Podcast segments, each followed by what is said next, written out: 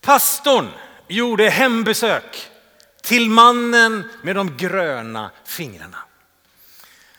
Och den här mannen han tog ut pastorn i sin fina trädgård och gick runt där och tittade på de vackra blommorna och växterna. Och pastorn bara, oh, halleluja, vilken Gud vi har, titta vad han har skapat. Vilka färger! Ja, det är fina färger och här borta har vi fruktträdgård. Åh, vilka frukter! Tänk att Gud kan göra så vackert.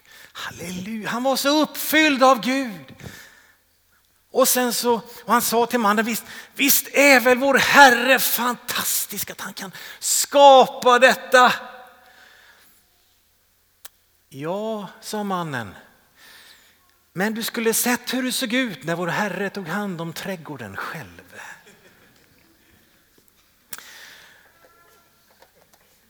Alla fattar inte, ni kan fråga grannen sen. Vi fortsätter lite grann från förra söndagens tanke och tema om hur Gud verkar i våra liv. Hur funkar liksom Guds rike hos oss? Och att behovet av att kunna leva med två tankar i huvudet samtidigt. Två sanningar i huvudet samtidigt. Förra söndagen så läste vi en text som har två liksom bilder i sig från första Korinthierbrevet. Vi är Guds medarbetare och ni är en Guds åker och ni är en Guds byggnad. Där åken, perspektivet där, det är Guds rike som utsäde. Jesus ger flera sådana liknelser. Guds rike är som ett frö som planteras i dig.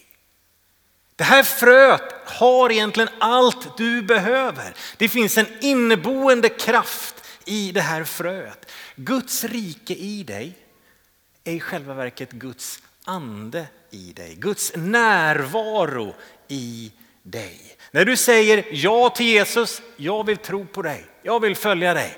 Bam, då händer det någonting. Du blir frälst. Gud flyttar in i dig. Kristus i dig, härlighetens hopp, säger Paulus i Kolosserbrevet. Det är därför som vi har, säger ganska ofta det här i våra böner, att måste öppna ditt hjärta och ta emot. För det är någonting som Gud tar och lägger ner i dig. Tron är ingenting som vi producerar och skapar utan det är någonting som vi tar emot. Så det finns någonting av att du och jag är en åker där Gud lägger ner någonting som bara kommer från honom. Som vi inte liksom gör någonting för. Det andra perspektivet här är ju medarbetarperspektivet och en byggnad. Och här är det vår delaktighet i detta, perspektiv av byggnation. Lite senare i texten som vi läser står att var och en måste tänka på hur han bygger.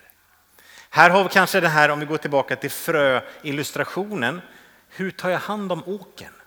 Hur tar jag hand om det här fröet som har landat? Vattnar jag på det? Ser jag till att ogräset håller sig borta? Min del att ta emot och vårda detta som är lagt i mitt liv. Så att vi är Guds medarbetare. Det finns på ett sätt en byggnation som vi gör i det här. Det är två helt olika bilder som blandas. Och jag sa så här förra söndagen att Gud kommer inte utan min medverkan föra mig in i ett växande. Gud kommer inte utan din medverkan föra dig in i ett växande. Men tillsammans med dig vill han föra dig in i det goda, i det vackra som han har för varje människa. Det vi sjöng här förut eh, om Guds goda tankar för oss. Gud tänker goda tankar för dig. Gud har en god plan för dig. Det vill han föra dig in i men inte utan dig, utan tillsammans med dig. Och vi ska läsa en text ifrån Titusbrevet idag. Jag vet inte hur ofta du läser Titusbrevet, det är ett ganska, ganska kort brev, lite mot slutet av Nya Testamentet. Och den är Titus, han får i uppdrag av Paulus att eh, organisera upp kyrkan på Kreta. Hur många har varit på Kreta och solat? Ja, jag vet inte om ni träffade Titus där. Eh, Och det är inte så att det bara finns en kyrka, utan det var som att det verkar finnas många kyrkor på hela ön. Det står så här. Jag lämnade dig på Kreta för att du skulle ordna det som återstod och i varje stad insätta äldste efter mina instruktioner. Alltså i varje, det, måste, det verkar ha funnits ett antal församlingar på Kreta som inte hade riktig styrsel och ordning. Vi vet inte var kom de här församlingarna ifrån. Paulus gör vad vi vet bara ett kort stopp på Kreta och det är när han är på sin fängelseresa från Jerusalem bort till Rom. Så att, troligtvis inte där. Vi vet att det fanns kretensare med på pingstdagen. Det står i Apostlagärningarna 2. Kanske var det så att de fångades av detta, fylldes av anden och reste hem till Kreta och så började det växa upp församlingar där. Men man har inte så mycket kunskap och ordning. Men det finns grupper. Så Titus får i uppdrag att lite grann styra upp församlingarna på Kreta.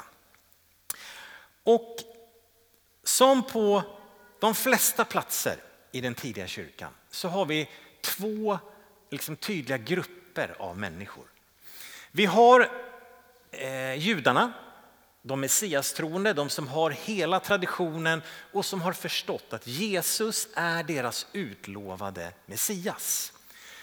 Och de judarna de har ju med sig hela traditionen. De har med sig kunskapen i Guds ord, de har med sig rutinerna, vanorna, de goda mönstren. Vi går till synagogan, vi läser ordet, vi ber, vi ger, vi hör till. Så de har ju hela detta goda mönster och de goda traditionerna. Och den andra gruppen kallas då för hedningar, det är alla som inte är judar. Vad har de? Ja, troligtvis så är det ett, ett möte med Jesus.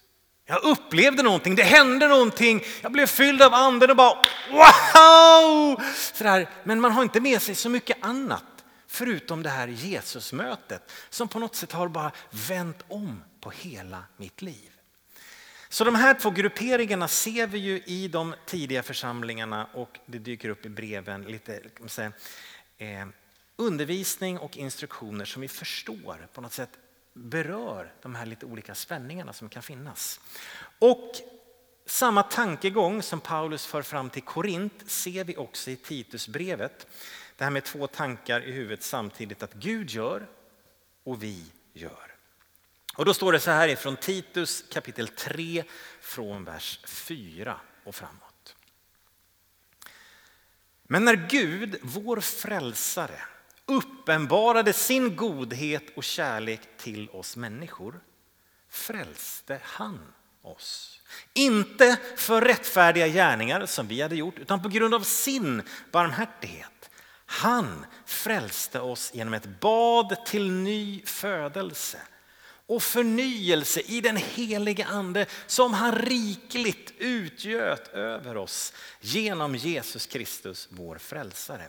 För att vi ska stå rättfärdiga genom hans nåd och bli arvingar med hopp om ett evigt liv. Den här delen kanske riktar sig mest till den judiska gruppen som hade mycket och kanske levde mycket utifrån görandet. Vi gör ju rätt grejer. Det här har vi övat på som folk i århundrade efter århundrade. Vi har de goda mönstren.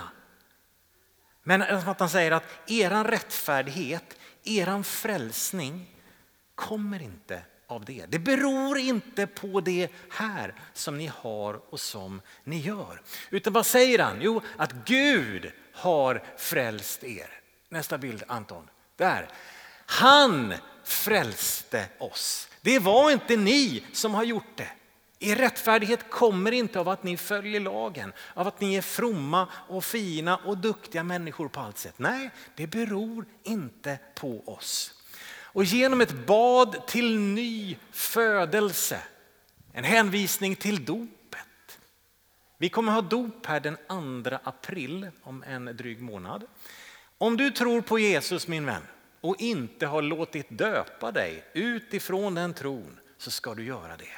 Kom och prata med mig efteråt så döper vi dig den 2 april dig med. Och sen så förnyelsen i den helige ande som han rikligt utgöt över oss. Oj, vilket bra ord. Som han rikligt. Det är, liksom, det är inte lite grann i botten på glaset. Det är inte ens att det är halvfullt som vi positiva människor tycker det är. Det är inte ens bara upp till kanten utan det flödar över. Liv i överflöd säger Jesus om det han kommer med. Förnyelse i den heliga ande som han rikligt utgöt över oss. Det är nästan som man hör ett, ett halleluja i Pingkyrkan denna söndag. Det är ju underbart. Det är lite wow-känsla när man läser det här. Känner bara, åh Gud, utgjut mer av den heliga ande över mitt liv. Jag behöver det. Är det någon fler som behöver det? Ska vi be om det idag? Gud är inte snål, han har aldrig varit och han kommer inte börja idag. Utan där det finns ett hjärta som säger Gud fyll på. Han bara, nej, tänker jag inte göra idag. Jag har det lite knappt, det är lite skralt i förrådet. Det räcker nog inte till. Nej, det är ett öppet hjärta. Herre förnya mig. Säger han, nu fyller jag dig med helig ande. Och inte lite grann i botten, inte lite grann så att det typ är halvfullt. Utan rikligt som han utgjuter över er. Det är så underbart, det är så bra. Halleluja! Ja, här har vi det Gud gör. De här som hade allt det goda på något sätt som rullade på, de följde mönstren. Bara, det sitter där. Han säger så här, underbart kära vänner, vet du, det beror inte på det. Gud har frälst er. Gud har gjort. Gud har förvandlat. Gud har förnyat. Det fick de höra. Men det stannar ju inte där. Utan denna frälsning, detta bad till ny födelse, denna förnyelse i den helige ande, den leder ju till någonting. Det ger någonting, det skapar något. Och kanske är det så att de hedna kristna behövde ha raderna som fortsätter. Vers 8. Detta är ett ord att lita på. Och jag vill att du Titus med kraft inskärper det så att de som tror på Gud är noga med att göra goda gärningar. Sånt är gott och nyttigt för människorna. Undvik dumma dispyter och frågor om släktregister och gräl och strider om lagen. Sånt är skadligt och meningslöst. Och i samma kapitel så står det att, att de ska underordna sig, lyda myndigheter, de ska vara redo till varje god gärning, inte förolämpa någon utan vara fridsamma, alltid visa vänlighet mot alla människor. Här kommer ju byggandet.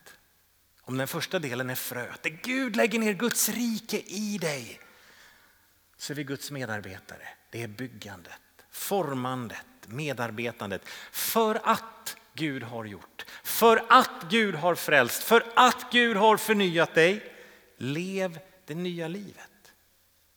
Fesebrevet säger att klä er i den nya människan.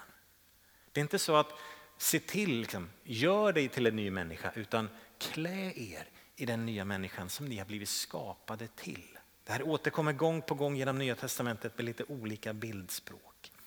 Det är inte mitt görande som skapar det nya livet. Det är det inte. Det är inte mitt, liksom, jag som kan på något sätt få fram en ny födelse i mitt liv. Jag kan inte frälsa mig. Ingen kan frälsa sig själv. Nej, han har frälst. Han har gjort, han har förnyat. Och för att han har gjort det så finns det livet för dig, hos dig och med dig. Och Paulus säger, se till att de lever ut detta goda som har skett i deras liv.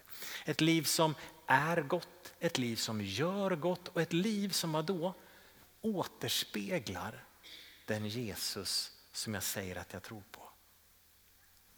För att han har gjort. Jesus han vill både frälsa dig och han vill forma dig. Och vad är slutmålet? Jo, till sin sons avbild. Så när du har blivit lik Jesus, då är du färdig.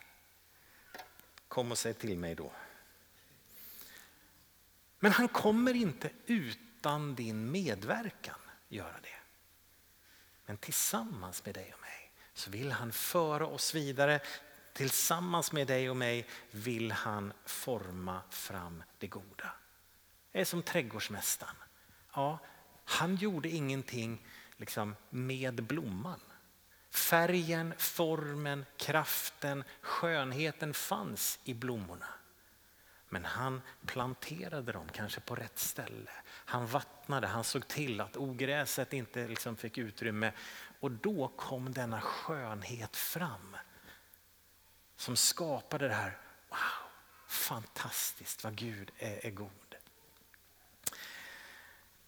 Så vad vi ser i Nya Testamentet, vad vi som Guds folk uppmanas att leva i, att leva ut, hur denna byggnad liksom formas. Utöver detta, här står ju liksom ett helt gäng om goda gärningar, undvika dumma dispyter, att eh, vara redo, att inte förolämpa någon, vara fridsam, alltid visa.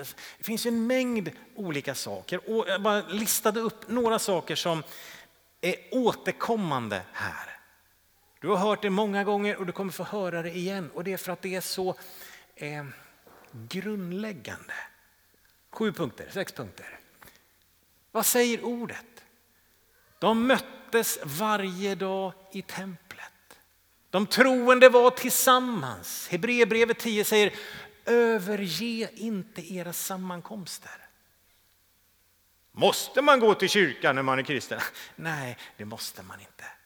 Men det hör till. Och om jag vill formas utifrån livet som har blivit nedlagt i mig så är gudstjänst, liksom att regelbundet fira gudstjänst, det hör till. För att i det så följer så mycket annat. Vi uppmanas dela gemenskapen med andra troende. Vad gör vi det? Ja, men I en smågrupp till exempel. Vi gör det när vi firar gudstjänst. Vi behöver omge oss också av människor som delar vår tro.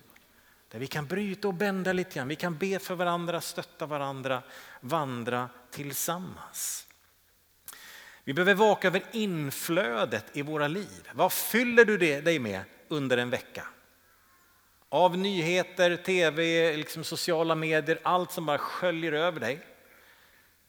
Vet, åtminstone ta stunden på söndag där du påminns om jag tillhör ett annat rike. Jag har ett hopp som är större. Det är inte bara en löneökning, en befordran, bättre tjänst, bättre betyg, större båt, ordning i garaget eller vad du har för målsättning i ditt liv. Jag tillhör ett annat rike, jag har ett annat mål med mitt liv. Vet du, få påminna dig om det vecka efter vecka efter vecka. Här tror jag att gudstjänsten fyller en stor betydelse som hjälper mig liksom bort ifrån det här. Bort ifrån jag, mig och mitt och bara få till livet. Ah, men vet du, det finns någonting större. Och varje gång vi möts, vi delar inte samma intressen. Vi har inte samma jobb, utbildning, språk, nationalitet, nästan ingenting. Förutom en sak, vi tillhör samma rike. Och när vi lovsjunger och säger du Gud, ditt rike, livet med dig, wow! Så blir det någonting som liksom det tickar i ditt liv. Det påminner dig vecka efter vecka efter vecka efter vecka. Vill du att ditt liv och din tro ska växa? Kära vän, fira gudstjänst regelbundet. Där möter du de troende. Det finns ett inflöde i ditt liv. Här kommer du påminnas också om tjänandet. Att du finns inte till bara för dig själv. Där vi tjänar varandra på olika sätt tar dig också ur en självcentrering. Och får jag säga dig min vän att när du firar gudstjänst gör du inte det för dig själv heller. Titta på den som sitter bredvid dig. Ja, det kan hända att en söndag framöver så kommer den personen var ganska sliten, trött, ledsen, har ont. Tron har kraschat, livet har gått i däck. Och då behöver de att du sitter bredvid, att du står bredvid och lovsjunger för dem. Jag orkar inte be, men han orkar tydligen be. Vad bra. Jag lyssnar på hans bön. Vad underbart. Tänk att någon tror på Gud fortfarande. Jag orkar inte lovsjunga, men okej, okay, det är tydligen någon till som lov. Okej, okay, jag hänger väl på honom lite grann då. Är du med? Du kan fira gudstjänst med en annan människa i åtanke som hjälper till att lyfta den människan där de är i livet. Det finns alla möjliga funktioner i en församling. Vet, varje söndag så är det ju 20 människor igång för att det ska bli gudstjänst. Här framme, i kaféet, värdar, uppe i söndagsskolan. Det är 20 människor som varje söndag går upp lite tidigare, kommer lite i förväg, har övat, har fixat och tjänar. Varför? För din skull. Vill du vara med och ge det till någon annan? Välkommen med. Det lyfter dig ur en självcentrering. Du påminns om att ge generöst, regelbundet. Ge ditt tionde. Var med och ge av det du har fått. Varför ska vi det? Jo, vem tillhör du? Du tillhör Jesus. Är Jesus snål eller generös? Han är generös. Vill jag likna honom? Ja, det vill jag göra. Vad lever jag efter då? Jag försöker leva generöst. Och har du inte prövat att ge ditt tionde, att du ger 10 procent av din inkomst när lönen kommer, pensionen kommer, studiebidraget kommer, då kan ju till och med jag räkna 10 procent på det. Om inte du kan det så kan jag hjälpa dig. Kom fram med löneutdraget nästa gång så ska jag hjälpa dig räkna 10 procent. Och så ger man det till Guds rike. Måste man? Nej, det måste man inte. Men vill jag bli en generös människa? Vill jag återspegla honom? Vill jag att någonting ska hända i mitt liv? Absolut. Då kliver jag in i det här och ger och ger och ger. Och det sista, det här med Bibeln och bönen. Det finns ju liksom, nej, det finns inga genvägar. Jag måste läsa, lyssna, ta in bibelordet. Bönen på något sätt behöver finnas där. Långa stunder, korta stunder. Be hur du vill, när du vill, på vilket sätt. I fredags på ungdomssamlingen så vet jag Lukas hade rubriken Du kan alltid be på sin undervisning. Du kan alltid be. Det finns alltid läge för en kort bön.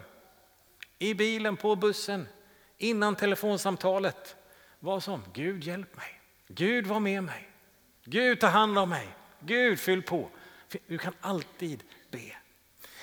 Ehm, så byggs våra liv. Det här kommer inte frälsa dig, inte ett dugg. Nej, för Gud frälser dig. Gud fyller på med sitt liv. Gud fyller på med sin ande i ditt liv. Det här landar ifrån himmelriket och det här är bara ett sätt att kultivera det här fröet, att, att liksom hålla undan ogräs, att vattna på, att ge Guds riket i mig, Guds närvaro i mig, liksom alla möjligheter. Gud, jag vill att ditt rike ska växa i mig. Att det du är ska få större plats i mig. Och då försöker jag hålla undan själviskheten, jag försöker hålla undan snålheten, jag försöker liksom, åh, låt ditt vackra få växa i mig. Vi är hans medarbetare. Det är hans kraft, hans hjälp och i det här så finns liksom den här, när han förnyar oss så bevaras kan säga, det här förnyade livet. Jag lever ut det mer och mer. Ehm, en sista mening som jag skrev ner. Guds nåd leder till Guds råd. Inte så att bibelordet bara är lite goda råd ifrån himmelen.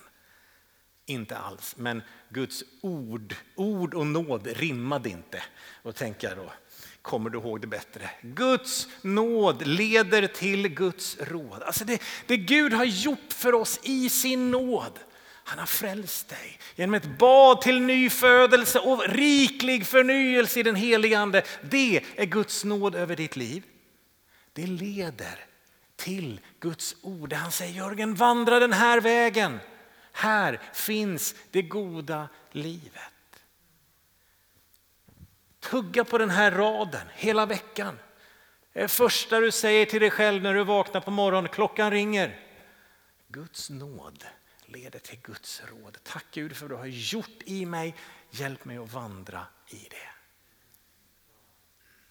Där kommer du att växa. Gud gör och vi gör och det tillsammans det blir en blomstrande vacker trädgård som tron på Jesus är i ditt och mitt.